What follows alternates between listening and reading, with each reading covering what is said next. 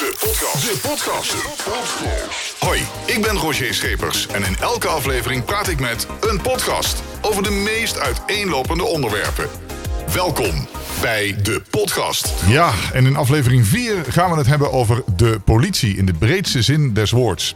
Ik heb iemand uitgenodigd die is uh, geboren op 13 november 1971. En uh, hij is begonnen bij de politie op uh, 1 januari 1994, bijna 30 jaar.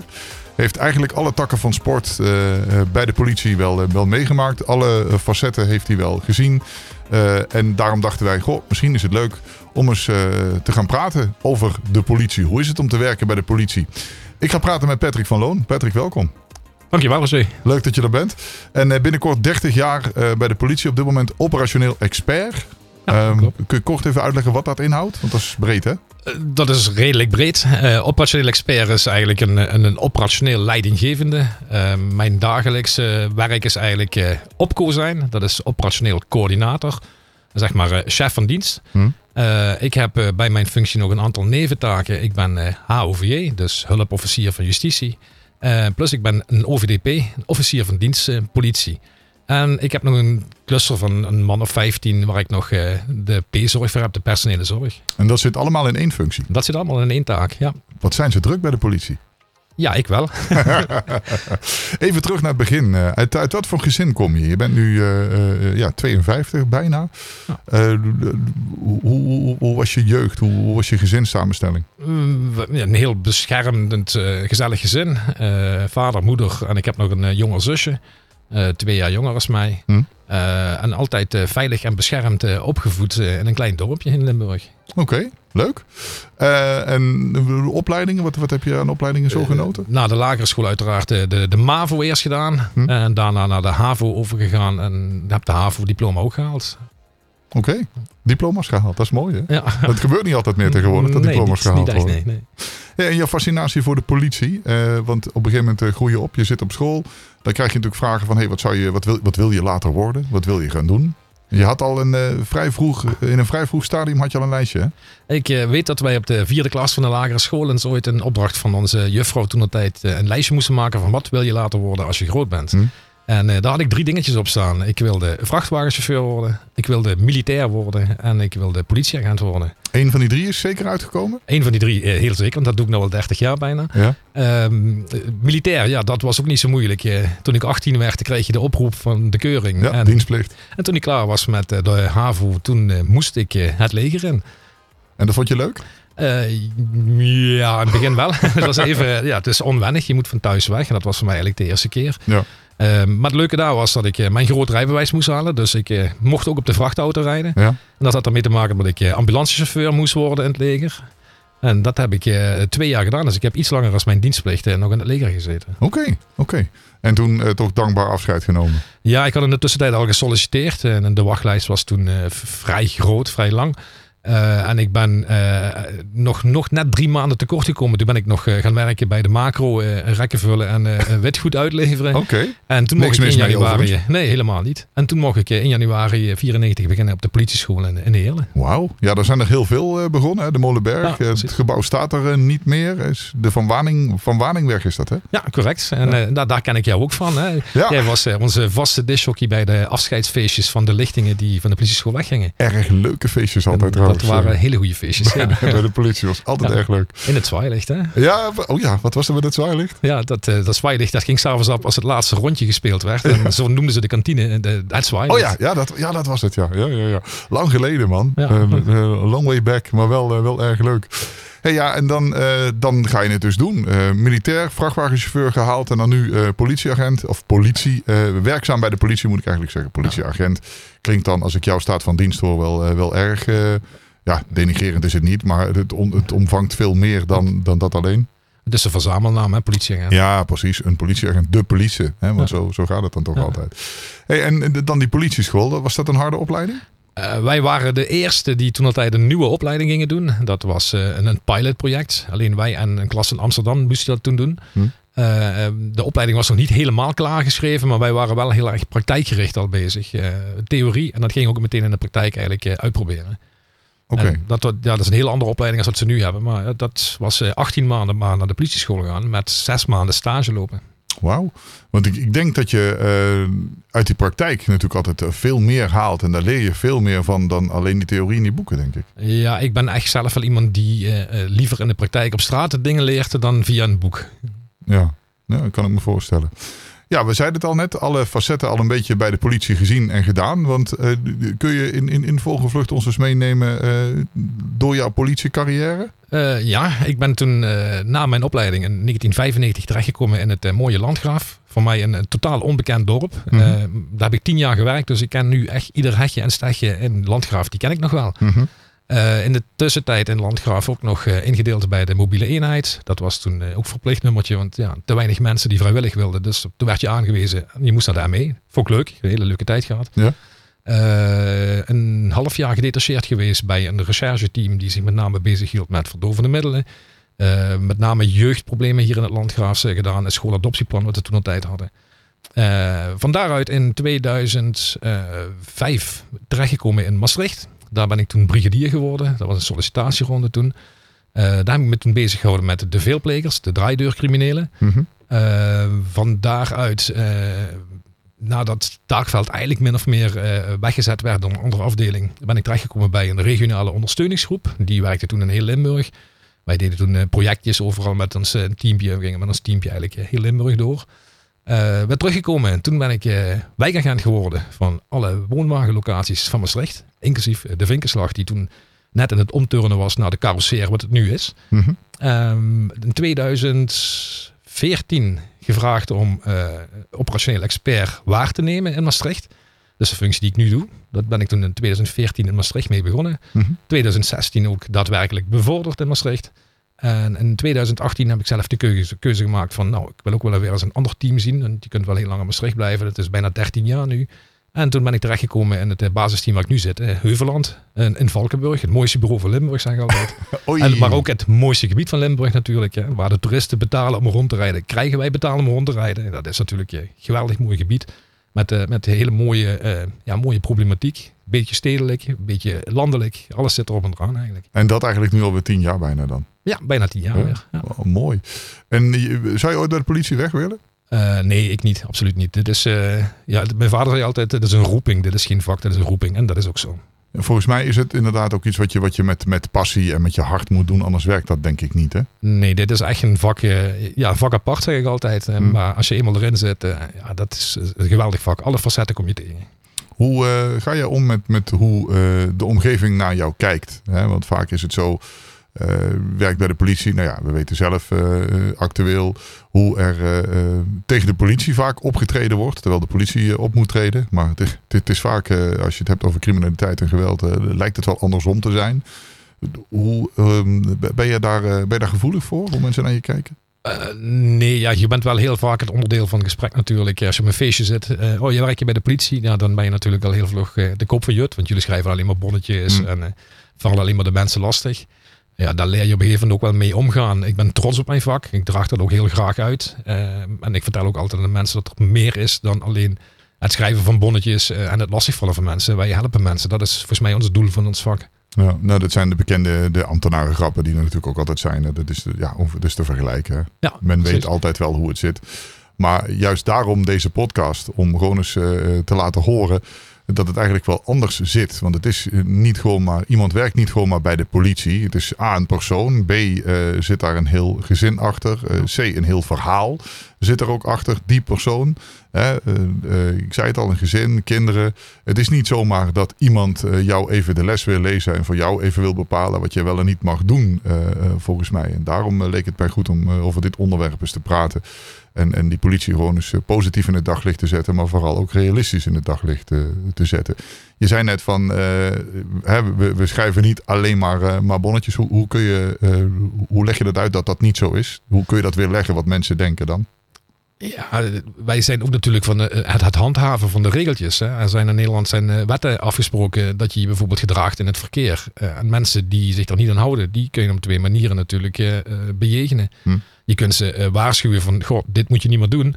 Maar eigenlijk weet je ook wel uit ervaring van ja, dadelijk draai je om en ze doen het toch weer. Ja, en soms is daar een strafregel af en toe voor nodig en dat is een bonnetje schrijven. En ze zijn eh, helaas niet goedkoper erop geworden. Soms schaam ik me wel eens als ik eh, de bedragen zie wat mensen moeten betalen voor een bekeuring. Hm. Ehm, maar het merendeel van onze collega's haalt ook echt alleen de excessen uit het verkeer met bonnetjes schrijven. Heel vaak worden gewoon de waarschuwingen gegeven. Het is niet zo dat jij een kick krijgt als je een bon schrijft voor iemand. Nou, ik krijg ze eigenlijk al jarenlang langs dat ik eigenlijk veel te weinig schrijf. Ja. Ja, dat siert je dan ergens ook wel weer. Want uh, ja, natuurlijk is een, iemand bij de politie is vooral ook mens, denk ik. Uh, ja, dat vergeten heel veel mensen. Wij, uh, onder dit uniform. Het uniform zeg ik altijd, is net zoals een overal voor een automonteur. Mm. Het is een werkpak. En de mensen zitten erachter. En die mens gaat ook om vijf uur gewoon naar huis toe, naar zijn gezin. en dat vergeten mensen nog wel eens, dat wij ook gewoon mensen zijn. Hoe neem jij, neem jij überhaupt, hoe, dat is een verkeerde vraag, maar neem jij je werk mee naar huis? Uh, ja, sommige dingen wel. Ja. Als je iets, iets heftigs hebt meegemaakt in, in, in een dienst, dan ja, neem je dat eh, bewust en ook onbewust mee naar huis. Uh, en, ja, je kunt er thuis kun je er wel over praten, maar ik heb me altijd aangeleerd, ik ga nooit helemaal in detail praten. Uh, het is niet zo dat ik mijn, mijn vrouw of mijn kinderen ook een, een, trauma wil aanpraten, dus dat probeer ik altijd te voorkomen. En gelukkig worden wij op het werk heel goed ondersteund als wij iets traumatisch hebben meegenomen, of meegemaakt. Dan krijgen wij een bepaalde opvang van collega's. En, bij de collega's kun je natuurlijk wel je details uh, bespreken, want ja, zij weten wat het is en maken het zelf ook mee. Dat is het vaak ook. Hè? Je, je achterban thuis wil jou helpen, wil er voor je zijn, maar weet vaak niet wat jullie meemaken. En, en ja, zien de impact waarschijnlijk wel. Ze merken wel de impact. Ja, er zijn uh, genoeg dingen die je meemaakt. Uh, dat je eens een paar nachten niet slaapt, slecht slaapt. Uh, de dromen hebt, nachtmerries hebt. en die kunnen ook wel regelmatig terugkomen door een trigger van andere voorvallen die, die je gezien hebt of heb gehoord hebt. Ja, nou kunnen we natuurlijk niet, niet al te diep op details ingaan. Maar het is wel leuk misschien, je hebt een plakboek meegenomen. waar je krantenknipsels uit, of, of in bewaart. Uit, uit je rijke carrière. misschien leuk om, om daar even wat, wat uit te halen? Ja, dat is eigenlijk zo'n zo'n een, een, uh, een, een plakboek waar ik dingetjes uitgehaald heb uh, vanuit de krant. Mm -hmm. Dingetjes waar ik zelf bij betrokken ben geweest. Mm -hmm. uh, de, de leuke dingetjes, zoals een, een, een schoolopdoptiedag die wij Zoot hebben gehad. En met een bijeenkomst van allemaal scholen in het Roda-stadion. Uh, en daar hadden we een ME-oefening bij. En destijds was er een reclame van Eva Apeldoorn wel volgens mij. Oh ja. Met de, ja. de, de, kleine ME'er uh, op de, de pony, de Lilliputter. Ja. Uh, en die hadden wij ook geregeld. We hadden een, een, een kleine meneer gevonden die bereid was met een ME-pak aan op zo'n zo'n pony door het stadion heen te gaan. Ja, oh, dat was natuurlijk grote hilariteit voor ja. de kinderen. Ja, dat soort dingetjes staan in mijn plakboek. maar, maar ja, ook...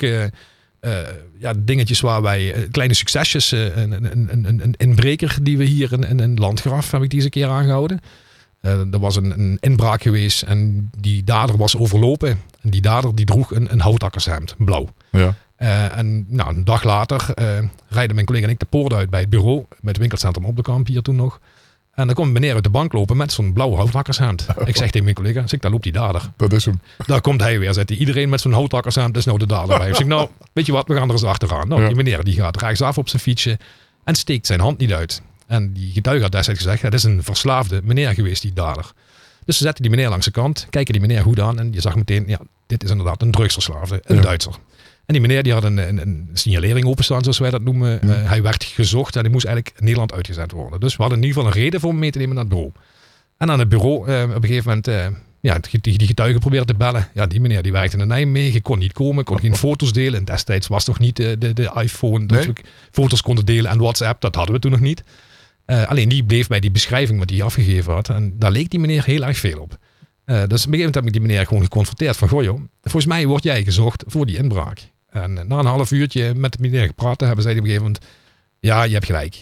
die heb ik gedaan. Ik denk, mooi. Die inbraak die hebben we in het kastje. Die is verijdeld. Dus, nou, die meneer meegenomen. Nou, mijn collega en ik werden vrijgemaakt door onze chef... van jullie mogen dit onderzoek dan ook verder gaan draaien. Ehm, na drie dagen verhoren met die meneer hadden wij 40 inbraken opgelost. Wow. Dus dat was echt een leuke toevalstreffer, maar wel een heel mooi succesje. Ik denk dat jouw collega, uh, die, die is diep tot stof gegaan, of niet? Uh, die, ja. Hij moest wel even bekennen van, ja, dat had je toch goed gezien. Uh, ja. Ja. ja, mooi zijn dat dan de dingen. Want ja, zo, zo los je dus een hoop, een, een, hoop zaken ineens op. Ja. En dat was gewoon puur dat houthakkershemd? Wat ja, jou, dat was puur het houthakkershemd. Van ja, volgens mij moeten we die meneer schoen gaan controleren. Dit is hem. En inderdaad, het bleek zo te zijn. Dat was hem. Jij noemde net... Uh, we hadden in die tijd nog geen, nog geen iPhones en zo, hè, nog, nog, geen, nog geen smartphones. Uh, en nu is alles heel makkelijk. Je hebt eigenlijk uh, bijna je eigen kantoor in je achterzak, zeg maar, als je ergens bent. Sterker nog, met die gsm doen wij tegenwoordig alles. Wij nemen ja. zelfs de, de, de winkeldiefstallen tegenwoordig al met de telefoon. Nemen die gewoon op. Hoeven niet eens computer meer aan te sluiten. Ja, dat is wel mooi dat de techniek daar ook wel een heel stuk in geholpen heeft. Hè? ja, het heeft ook nadelen. Um, men ziet nou precies waar wij zijn. Dat hadden we vroeger natuurlijk niet. Ja. En nu heb je GPS in de auto. De, de meldkamer kan zelfs precies zien waar je zit, hoe hard je rijdt. Uh, ja, dat hadden we destijds niet. Dat gaf destijds ook wel een beetje meer vrijheid uh, voor het uh, spielerij uithalen, zeg maar. Ja, kan ik me ook wel voorstellen. En, en, en die spielerij, is dat, dat hoor je toch op meer vlakken. Die spielerij, wat dan vroeger vaak ook wel leuk was, hè, dat ondeugd. Is dat, kan dat helemaal niet meer? Of zijn er nog... Ja, er wordt nog... Je hoeft niks uit te leggen, maar... Nee, er wordt best nog wel veel uh, spielerij wordt nog uitgehaald. Natuurlijk, je moet ook blijven lachen, je moet ook ontspannen. Hè. Als je hard werkt, moet je ook hard ontspannen, zeg ik altijd. Uh, en natuurlijk wordt er nog wel eens gevoetbald in de wacht. En dan sneuvelt er nog wel eens een keer een vaasje of dergelijke. Of een plafondplaat bij ons op het bureau. Ja. Um, ja, vroeger was het toch ietsjes anders. Uh, ik kan me nog herinneren dat wij uh, destijds een ploeg hadden en we hadden een sleutelbord op het bureau in Landgraaf. En daar zat de, de sleutel bij van het zwembad in de bende. Oké. Okay. En daar hadden we heel veel last van jeugd die daar s'nachts, s'avonds ging slapen na zwemmen na sluitingstijd. Mm. En uh, nou, wij hadden de sleutel, dus wij konden de jeugd dan wegjagen. en wat deden we dan in een warme zomerdag? Dan joegen we de jeugd weg. En, en dan sprongen wij zwemmen in. en er werd er wel eens een foto gemaakt. We hadden toen nog een digitaal toestel. Hadden we toen gelukkig al, maar ja. geen gsm of dergelijke. Dus je kon niet appen. En dan werd die foto werd uitgeprint en dan werd die ingescand. En dan werd die foto met de fax destijds nog gestuurd naar de, de meldkamer. Fax, ja, met een tekst eronder. Ja. Goedjes uit Landgraaf.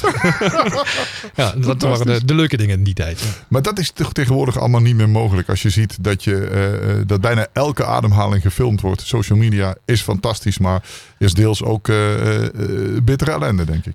Uh, ja, het is ook soms wel eens uh, uh, hinderlijk. Hè? Mensen gaan ook wel eens voor je staan om alles te filmen. Meen ja. ook dat ze alles moeten filmen. Ja, wij mogen gefilmd worden. Wij zijn een, een, een openbaar bezit. En op de openbare weg mag dat. zolang ze de privacy niet schenden van de mensen waar wij mee in het werken zijn op dat moment.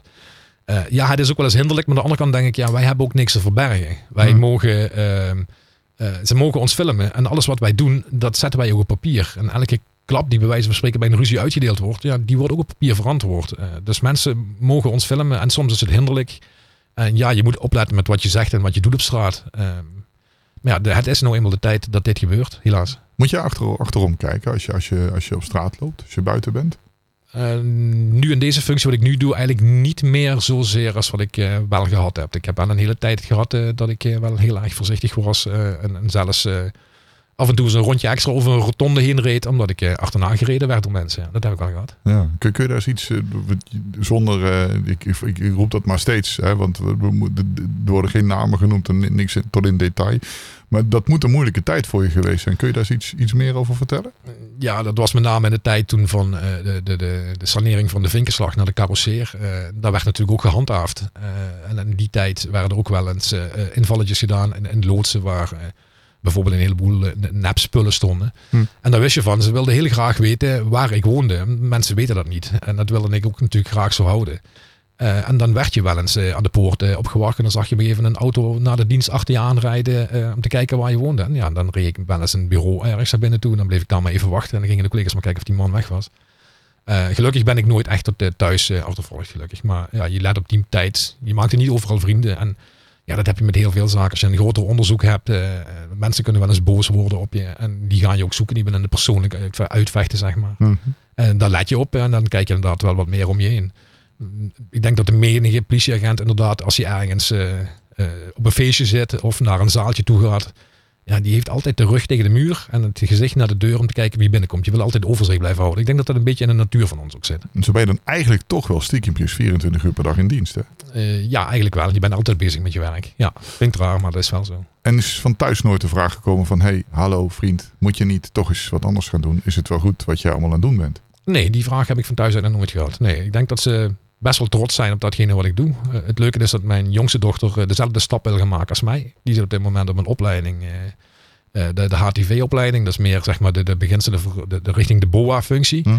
En van daaruit kun je weer doorstromen naar de politie. En dat is haar droom. Dus zij wil mij eigenlijk wel nagaan. En oh. daar hou ik er ook niet in tegen. Nee, maar, stimuleer je het ook niet? Ik, nee, die keuze moet ze zelf maken. Ik leg er heel goed uit wat de voordelen en de nadelen zijn van ons werk. Uh, dat probeer ik er ook goed bij te brengen. Dan mag ze zelf de keuze maken. Zij mag zelf de keuze maken wat zij wil. Ja, en geen moeite vertelde je net al met, met dat je openbaar bezit bent. Hè? Want ja, je zegt ook alles wat wij doen, dat, dat mag, of ja, mag, maar dat, dat, dat weet iedereen, kan iedereen lezen. Hoe ga je om met het, het, het, het geweld? Want ik kan me voorstellen, criminaliteit, geweld, dat het uh, de afgelopen jaren uh, wel is toegenomen en ook hele andere vormen aanneemt. Uh, ja, geweld was er altijd al. Hè. Ook toen ik pas begon. regelmatig vechtpartijtjes natuurlijk. en ja, ik ben ook wel eens een keer met een blauwe oog thuisgekomen. En een, een gekneus of een gebroken rib thuisgekomen. Wat krassen in mijn gezicht. Ja, dat, dat, soort dingen hoort erbij. Gelukkig heb ik nog nooit botbrukken gehad. Even afkloppen. Hmm. Nooit gedaan, gelukkig.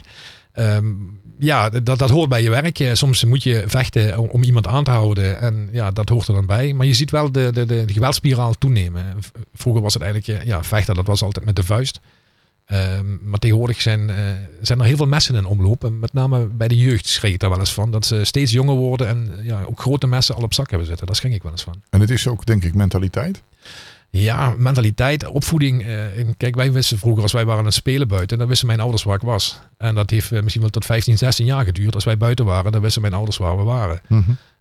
uh, als je tegenwoordig ziet, 11, 12, 13 jaar die s'avonds nog over straat heen lopen om 11 uur. en de ouders helemaal niet weten waar de kinderen zijn. Dan denk ik van, oh, die zijn nog wel erg jong om zo lang nog op straat rond te lopen die, die mentaliteit is in de loop der jaren inderdaad wel heel erg veranderd. Ja, die discussie die, eh, die zie je en hoor je natuurlijk vaker uh, om je heen. Hè? Die wordt ook in de media breed uitgemeten vaker. Dat men zegt van ja, we moeten ook met de ouders. Het zijn niet alleen uh, de, de, degene die het doen. Maar er zit ook een stukje opvoeding. en dat is wat je eigenlijk hiermee wil aangeven, denk ik. Ja, soms denk ik wel wie moet opgevoed worden. De, de ouders of de kinderen. Ehm, sommige ouders zijn misschien wat makkelijker erin geworden. Van, ja, dat is ook makkelijk als het kind buiten is. Dan is hij niet lastig binnen. Zo'n idee heb ik af en toe ervan. Maar... Hmm. Is moeilijk om daar de vinger op te leggen. Hey, en, grote uh, zaken, ik kan me voorstellen, een, een voetbalwedstrijd. Tegenwoordig uh, lekker ontspannen, uh, Robertje voetbal kijken op zondag met paps naar het, naar het stadion. Dat, ja, dat is veelal, wordt dat ook vaak bemoeilijkt door, door, door, door geweld, door, door criminaliteit. Hoe, hoe sta je in, in het optreden in, in, in, of vooral voor grote groepen? Want dat heb je ook meegemaakt natuurlijk. Ja, destijds als ME-lid zeker ik, ik hou niet van voetballen, dus ik was altijd leuk eh, als ik in het stadion was. Uh, iedereen keek naar de voetbalwedstrijd en ik keek altijd naar de supporters van hoe, hoe gedragen die zich nu. Ja. Eh, het groepsgedrag, uh, het proberen anoniem te zijn in een groep. en ja, je ziet daar het geweld ook steeds meer in toegenomen. Destijds was het inderdaad de, de, de, de fanclubs tegenover elkaar. En als de politie ertussenin kwam, dan had je twee fanclubs tegenover de politie staan. Maar tegenwoordig is het alleen maar richting de politie lijkt het wel. vuurwerk gooien, zwaar vuurwerk gooien, stenen gooien. Ja net als met de corona-rennen, dat, dat, dat, neemt echt schrikbarende proporties aan. Het, geweld wordt steeds, eh, steeds heftiger. En ja, hoe ga je daarmee om? Ja, je staat ertussen, je hebt beschermende kleding aan en hopen op Gods zegen dat het allemaal goed gaat lopen. Denk jij dat, de, als, het, als het ja is, misschien kun je een stukje helpen, hoe, hoe je zoiets tegen zou kunnen gaan? Ja, dat is een lastige. Ik, ik, ik had eigenlijk wel eens een keer gedacht, uh, ze zijn heel erg veel bezig nou met stadionverboden eigenlijk. Ik denk, uh, een heel goed verbod zou kunnen zijn, uh, verbied de, de, de supporters om hoodies te dragen. Want je ziet tegenwoordig standaard, hebben zwarte jasjes aan allemaal, maar zwarte hoodies op. En als het tijd is voor te rellen, zetten ze allemaal die hoodies op. Je ziet het gezicht niet meer. sommigen hebben zelfs bivakmutsen op, dus ze zijn heel erg onherkenbaar. En dan in zo'n grote groep met allemaal dezelfde kleren aan haal ze maar eens eruit wie het nou gedaan hebben. Nou, ik zou zeggen, verbied de hoodies, verbied de capuchons, verbied de sjaaltjes. Dat je in ieder geval de gezichten ziet. En een goed camerasysteem in het stadion is er al aanwezig. Dus ik denk volgens mij haal je ze dan al redelijk uit de anonimiteit. Want die anonimiteit die maakt het gewoon uh, heel gemakkelijk voor de supporters om, uh, om te rellen. En mobieltjes? verbieden bijvoorbeeld, ja, dat kun je bijna niet. Maar stel, ja, kun je ze verbieden, dat is een lastige. Je kunt mobieltjes natuurlijk wel uh, uh, uitschakelen als een stadion ingaan. Hè. Daar geeft volgens mij technische middelen voor dat zo'n ding vanzelf uitschakelt. Maar dat de meerwaarde heeft, dat weet ik niet. Nee. Ja, dat zal natuurlijk. Uh, wij zijn ook niet degene die, die daar oplossingen voor moeten aandragen. Maar je kunt ook wel meedenken. En jij, jij maakt het vanuit je vak natuurlijk allemaal mee. Um, nou, vertel jij vol passie over de politie. Dus dat is alleen maar, uh, alleen maar fantastisch, alleen maar goed. Hè? Dat, dat klinkt uh, natuurlijk ook, ook, ook, ook, ook andere kanten maak je mee. Heb je zelf tijden in die, in die bijna 30 jaar nu meegemaakt dat je dacht... Uh, ik weet even niet wat ik nu moet. Ik weet even niet waar ik nu heen moet. Hier, hier, loop ik vast. Ja, ik heb wel eens, je hebt wel eens van die mindere periodes. Met name meer als, als er een, heftig incident is geweest waar je bij betrokken bent geweest. Hm. Dan zit je niet lekker in je vel. soms is de hulpverlening bij ons intern ook niet helemaal goed. Het is altijd wel beter geworden, gelukkig. gelukkig beter dan 30 jaar geleden. Toen was er helemaal geen interne hulpverlening. Toen was er zoiets van niet janken, kop koffie pakken en we gaan we door. Hmm. Uh, want wij zijn kerels onder elkaar. Dat was met name in de bureaus destijds was dat echt wel een tendens. Gelukkig is dat niet meer. Hè. Wij Stoere mannen. Ja, maar wij mogen gelukkig ook wel eens een traantje laten. En dat, dat gebeurt ook met grote regelmaat gelukkig. En dat doen we thuis ook. En dat zijn wel de periodes dat ik zoiets had van, wil ik hier nog wel mee doorgaan? Uh, wat hier allemaal nog gebeurd is en wat ik nou meegemaakt heb. ja, dat, en wat helpt je er dan toch weer overheen om te zeggen, kom op, door, want het is ook een veel te mooi vak. Ja, ik denk zelf het, de, ja, de collegialiteit onderling. Hè. Je kunt met elkaar over zaken praten, relativeren met elkaar. Je zoekt altijd wel de collega's op eh, waar je een goede klik mee hebt om dit soort gesprekken te voeren. Um, ja, en ik heb op een of andere manier heb ik kennelijk toch uh, de, de, de gave om uh, bepaalde kastjes te sluiten. Ik, ik, een heftige gebeurtenis gaat bij mij in een kastje. En op een gegeven moment heb je dat verwerkt en dan gaat dat kastje gaat dicht. Uh, en heel af en toe, en dan blijf ik ook bij, uh, gaat zo'n kastje ook alweer eens open. Meestal door een trigger van buitenaf of iets wat je zelf weer meemaakt. En gelukkig kan ik dat kastje dan altijd weer op een gegeven moment weer dichtmaken. Dus op een of andere manier kan ik het tot nu toe allemaal goed relativeren. En heb je dat, uh, heb je dat geleerd of zit dat in je? Ik denk dat dat in me zit. Ik heb het niet echt geleerd. Nee, en ik ben een paar jaar lang zelf bij het bedrijfsopvangteam lid geweest. Dus mm -hmm. dan ging ik zelf met de collega's de gesprekken aan na heftige gebeurtenissen dan hoor je dus de verhalen van hun. En nou, dan krijg je automatisch ook wel eens een keer dat je eigen verhaal zelf weer even naar boven komt. Dat je er thuis even zelf weer last van krijgt. Uh, maar op een of andere manier uh, ja, kan ik het goed verwerken, kan ik het goed bij me wegzetten. PTSS, komt dat bij politie veel voor? Ja, heel erg veel, helaas. Uh, je ziet heel veel collega's op dit moment onderuit gaan met de PTSS. Mm -hmm ja, de, gelukkig is de opvang daarvoor goed. Uh, maar het is heel erg lastig om soms ook uh, ja, daar de vinger op te leggen. Je ziet collega's soms ook echt onderuit gaan. En gelukkig is er ook heel veel oog voor op de werkvloer en ook vanuit de, de, de collegiale opvang. Maar het is wel op dit moment een van de grootste beroepsziektes die we op dit moment hebben bij de politie. Heb je wel eens, want ik, ik neem aan, hè, je bent collega's, maar je, je bent natuurlijk met, met een aantal mensen ook vrienden, denk ik, hè, buiten je werk. Heb, je, heb je veel, veel contacten buiten je werk met collega's? Uh, ja, een aantal collega's zeker. Een aantal collega's zijn echt wel uh, meer dan alleen collega. En dan ook wel eens iemand die bijvoorbeeld PTSS heeft, die jij probeert te begeleiden, of waar je eens mee praat, of waar je eens naar luistert, of Um, ja, ik heb in mijn, in mijn cluster zelf een collega gehad die nou onlangs uh, afgekeurd is met, uh, met PTSS. Uh, um, ja, dat is begeleiden. Hij heeft zoveel professionele hulpverlening om hem heen. Hm. daar wordt hij heel goed door begeleid. Um, waar ik daar wel voor ben, is met, met de collega's inderdaad bellen en af en toe een, een, praatje maken. En niet met iedere collega die PTSS heeft, heb je een even goede klik. Nee. en iedere collega zoek je dan ook niet op, maar een aantal collega's, ja, daar heb je een goede klik mee. En, en, soms denk ik zelf wel eens, praat veel, veel met, natuurlijk met de oudere collega's die eh, ja, misschien eh, evenveel of zelfs meer dienstjaren als mij hebben. Ik denk als wij eh, met een psycholoog gaan praten, dat wij ook wel door de mand kunnen vallen met PTSS. Alleen het blokkeert ons op dit moment niet. we hebben er geen last van. dus wij kunnen nog gewoon door blijven werken. Ben je er bang voor?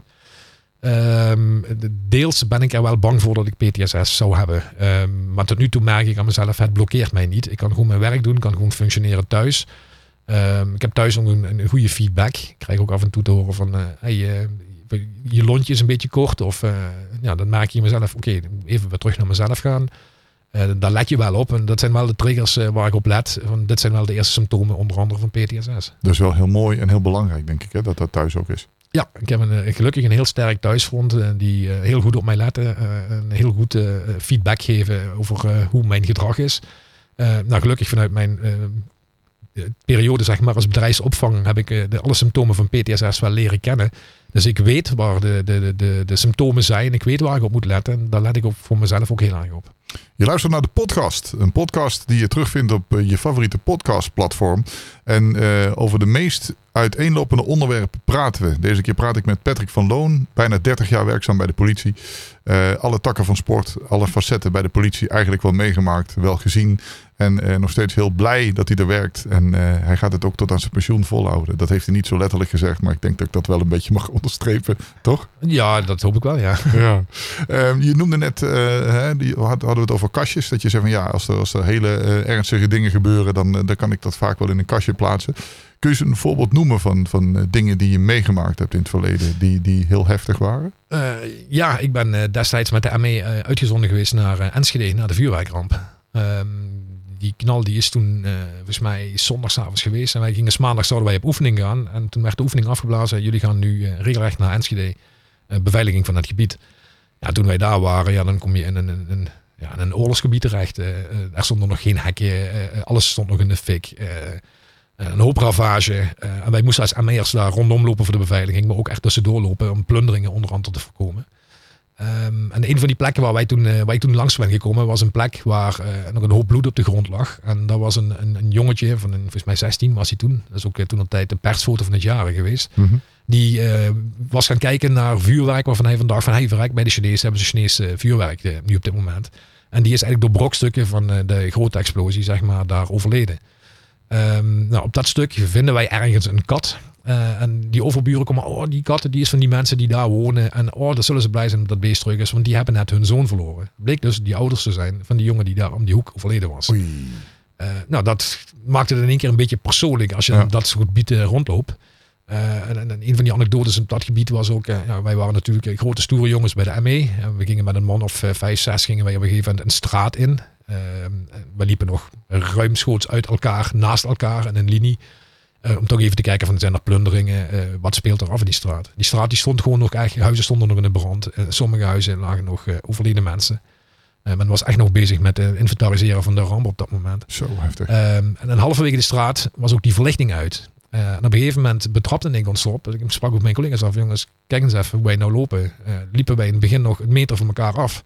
Maar halverwege die straat liepen wij dus gewoon echt schouder tegen schouder. Gewoon vanwege de, de tafereelen die wij op dat moment zagen. Dat je mm. zelfs ja, eigenlijk naar elkaar, naar elkaar toe kropen van wow, niet, dit, is, dit is niet normaal wat we hier zien.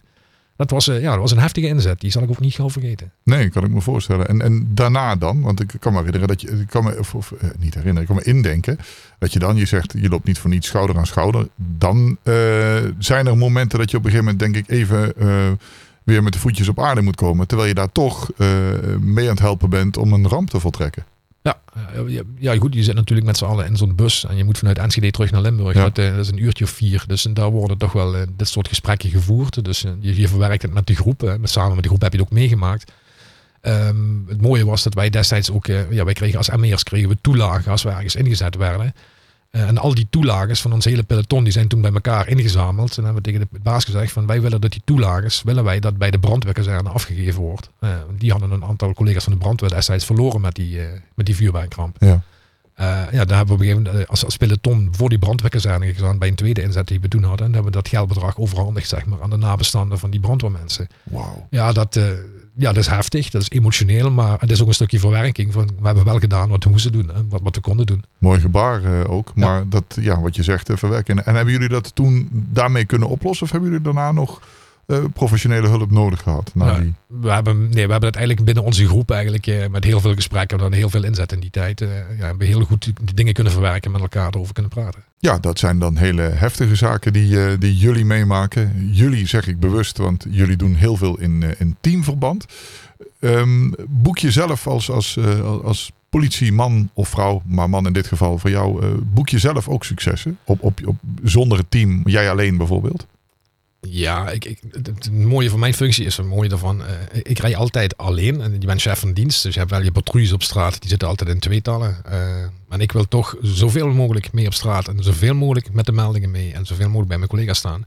Dus ik ben uh, heel vaak buiten te vinden. Alleen schrijf ook alleen mijn bonnetjes uit. Ga ook alleen naar meldingen toe. Uh, en ja, soms heb je ook wel eens een succesje en is het even wachten. Maar je doet het eigenlijk nooit helemaal alleen. Hè. Je bent altijd toch wel met collega's die in de buurt zijn of die je hmm. mee kunnen helpen. Uh, en, en, ja, ook, ook uh, onderzoekjes doe je wel eens alleen. in mijn tijd dat ik wijkagent was, bijvoorbeeld van die woonwagenlocaties. er was een meneer die heel veel oplichtingen pleegde toen een tijd. En die deed dat uit naam van de voetbalclub destijds. Oh. Uh, daar heb ik toen een hele onderzoekje naar uh, gedaan. Uh, uiteindelijk heb ik wat hulp gekregen van de recherche uiteraard. Wat collega's die even mee kwamen helpen. maar die man die, die had oplichtingen gepleegd. dat, dat, dat neigde bijna tegen de anderhalf miljoen euro aan. Ai. En ja, die man die heb je dan op een gegeven moment heb je hem binnen. en ja, dat, dat, is een succesje. Dat vind ik geweldig. Dat soort dingen, die, die onthoud je wel, ja. Ja, nou, en dat heb je dan inderdaad met, met, met je eigen, uh, eigen expertise op eigen kracht heb je dat dan helemaal bereikt. Ja, ja, heel veel uh, bedrijven afgegaan in de buurt. Uh, en op een gegeven moment gaat dat balletje rollen van ja, die is ook hier geweest en die heeft mij een kwitantie uitgeschreven. want ik moest dan sponsoren. Maar ja, ik heb mijn sponsorbord nooit bij de voetbalclub gezien. En zo is het eigenlijk een beetje het balletje beginnen te rollen. En Ja. dan merk je dat je heel veel bedrijven in de omgeving, die waren gewoon opgelegd door die man. Eh, ja, dat is, dat is een leuk succes als je die meneer dan hebt vastzitten. Dat, dat was wel een, eh, mooi succesje, ja. Is het dankbaar eh, werken bij de politie? Ja, ik vind van wel. eh, Je krijgt heel vaak, en het mooie bij ons in het bureau is dat wij heel vaak kaartjes krijgen van mensen die blij zijn dat ze geholpen zijn door de politie. En die kaartjes worden ook altijd bij ons zo neergezet dat iedereen hem ook kan zien. Hè. Naast de koffieautomaat, want daar komt iedere politieagent natuurlijk. Eh, en dan, ja, je ziet heel veel dankbaarheid van mensen van ja, dat, dat we ze toch geholpen hebben. Dat, dat, dat zie je heel veel terug. Ja, alle successen moet je vieren ook, hè? Eigenlijk. Eh, ja, ja, bij ons is regelmatig een stukje vlaai in het bureau, ja. En koffie, hè, dan toch? en ja, wat, wat honing voor de beren is, is koffie voor de smeris. Hè. Dat, Ja, eh, dat, dat- staat bij ons aan het bureau, ja. Ja, eh, fantastisch. Die heb ik jou horen zeggen in ons Ja. voorgesprek. En ik hoopte dat je hem zou gebruiken. Want Ja. het is er een voor op een tegeltje, vind ik. Ja, dit is een echte uitspraak eh, uit het noorden van het land. Hè. Daar is een, eh, een, een politieagent in Smeris. Eh, bij ons is het heel vaak eh, woud. Ja. Eh, dat werd in het begin heel vaak gezien als een scheldwoord. eh. vooral in de woonwagenwereld vond ik het altijd mooi. Daar waren wij de Wouten. En ik denk, ja, dat- wij zagen dat niet als een scheldwoord. Ik vind het meer een geuzennaam. En Ja. zij durfden dat eigenlijk niet helemaal te zeggen waar wij bij waren. En als je een beetje contact met die mensen had, dan zeiden ze van, ja, jij bent ook van de Wouten. Oh, sorry, dat mag niet zeggen. Eh, van, van de politie. Dus ik, ja, ik zeg tegen jullie toch ook wel eens, eh, geen woonwagenbewoners, maar kampers. Ja, maar dat zijn we toch ook. Ik zeg, ja, nou, wij zijn Wouten. Dus eh, ik vind het wel leuk om te horen. Nou, nou, nou, nou zeggen ze wel eens, hè, de, de- je, je vertelde net, had je het over vinkerslag. Nu net zeg je ook de, de, de, over de kampers. Ehm, eh, veel mensen zijn daar vaak bang voor. Hè? Die denken dan van, ja, eh, daar moet, je niet, eh, daar moet je niet tegen ingaan. Maar volgens mij, als je, ze, als je ze mee hebt, zijn dat je beste vrienden. Ik heb in het begin heel erg tegen de functie opgekeken. En ik werd eigenlijk min of meer verplicht om deze functie te gaan doen. En eh, nou, na korte tijd had ik zoiets van, nou, ik kende wat mensen. Daar gingen eens met mensen praten. In die tijd werden de, de woonwagens nog verplaatst. Dus ik heb bijna driekwart van de vinkerslag de woonwagen nog gewoon de lucht in zien gaan. Verplaatst worden naar een nieuwe locatie. Ja. Ehm, en dat is heel heftig voor die mensen. Want al hun spulletjes stonden nog gewoon in die woonwagen. Die hangt dan in zo'n takel. Die gaat op een vrachtauto. Die wordt verplaatst. Ehm, maar wat me heel vlug opviel was de gasvrijheid van de mensen. Ehm, jong, kom binnen. Ik heb hier koffie staan. En als het heet was, hey, hier heb je een flesje koud water. Dat is veel te warm, dan ik keep je om. En ik had zoiets van, oké. Ehm, het was heel gezellig. Ik heb ook heel veel geleerd in die tijd. Eh, vooral de geschiedenis eh, van, van de woonwagenwereld. Vooral de ouderen, die waren heel trots nog erop. Dat ze hadden gereisd met paard en wagen door heel Nederland heen. Als, als scharen sliepen. En, eh, ja, de, de voddenman destijds. Eh, dus ik heb heel veel geleerd van dat wereldje. En inderdaad, eh, je moet zeggen wat je doet, maar ook doen wat je zegt. Eh, en dan heb je vrij vlug een klik met de mensen. Eh, het was zelfs op een gegeven moment dat de meldkamer soms wel drie, vier auto's naar een melding stuurde. Eh, dat ik zoiets had van, oh stop, ik ben de wegagent, ik ga gewoon even alleen. En dan ging je alleen, want je kende de mensen en dan werd het gewoon een probleem heel snel opgelost. Eh, moest ik Jantje of Pietje hebben die nog een paar dagen de bak in moest, dan belde ik hem op van, goh vriend, eh, je kunt je komen melden over een uur en ik weet je moet even wat zaken handelen. Geen enkel probleem, over een uurtje sta je met je koffertje aan het bureau. Doe je dat niet, ja, dan ga ik jou zoeken en dan kom ik op plaatsen waar jij mij liever niet hebt. En hij stond er. En een uurtje later stond hij met zijn koffertje gewoon klaar aan het bureau. Ja, daar hoef je helemaal niet veel voor in te zetten. Maar het is gewoon een beetje de vertrouwensrelatie die je op dat moment opbouwt. Is dat communicatie? Dat is ook communicatie, ja. En, en een beetje investeren ook in de mensen. Een beetje interesseren in de mensen. En ik, ja, achteraf gezien heb ik daar een hele mooie en leerzame tijd gehad. Ja. Hopelijk eh, dat je nog, eh, nog een hele lange tijd eh, lekker bij de politie kunt werken. Want je noemde net Wouter, maar jij bent gewoon erg trots om Wouter te zijn, toch? Ja, nog steeds. Elke dag opnieuw. Ja, je dient het land. Hè? Want dat is, dat is natuurlijk. eh, het, is, het is een stukje, een stukje landsbelang. Het is, het is misschien ook mooi om het te mogen doen. Ja, dat is ons embleem ook. Hè. Waakzaam en dienstbaar. Hè. Het staat heel groot op de auto's tegenwoordig. Mhm. Ehm, jullie, jullie tenues, hè? vroeger eh, waren het eh, in dialect werd altijd gezegd: Oh, daar komen de blauwe, hè? de Ja. politie. De blauwe petten. Dat is, eh, dat, dat is niet meer zo, maar jullie hebben wel eh, eh, standaard eh, bij jullie eh, uitrusting hebben jullie eh, vesten om. Hè? Ja, in de tijd toen ik eh, bij de politie begon, eh, toen droegen we nog eh, witte blouses. We hebben blauwe blouses gehad. We hebben eh, stropdassen gedragen. En ja, gelukkig is dat eh, wel gemoderniseerd. Eh, Maar ja, de laatste jaren is er ook eh, verplicht een kogelwerend vest bijgekomen. Wat wij dus nu standaard dragen op ons uniform. En we hebben er zelfs nog eentje in de auto liggen. Dat we echt naar een, een heftig incident mo- moeten gaan waar onder andere geschoten wordt. Dan doen we nog eens een keer een extra vest daar Eh, ja, het zijn wel een paar kilo extra die je dan even mee moet slepen. Maar ja, dat heeft wel de tijdsgeest meegebracht. En ik denk ook voor onze eigen veiligheid. Ik zeg altijd, het is een beetje mijn levensverzekering. En dat is mijn vestje wat ik draag. Ja, ja, maar ik wou inderdaad net vragen: wat vind je ervan dat dat nu standaard is? Dat het, ja, laat ik het anders zeggen, dat het zover gekomen is dat dit nu al standaard is. Ja, het is een verandering die eigenlijk geleidelijkerwijs erin gekomen is. Mm. ik heb daar geen moeite mee. Het is wel voor de bescherming voor mijzelf. je ziet ook, ja, het is een steek weer een vest. je ziet heel veel prikincidenten die we vroeger hebben gehad. Ja, daar heb je nou tegenwoordig dat vest voor. en dat is wel een stukje veiligheid. Je voelt je een stuk veiliger.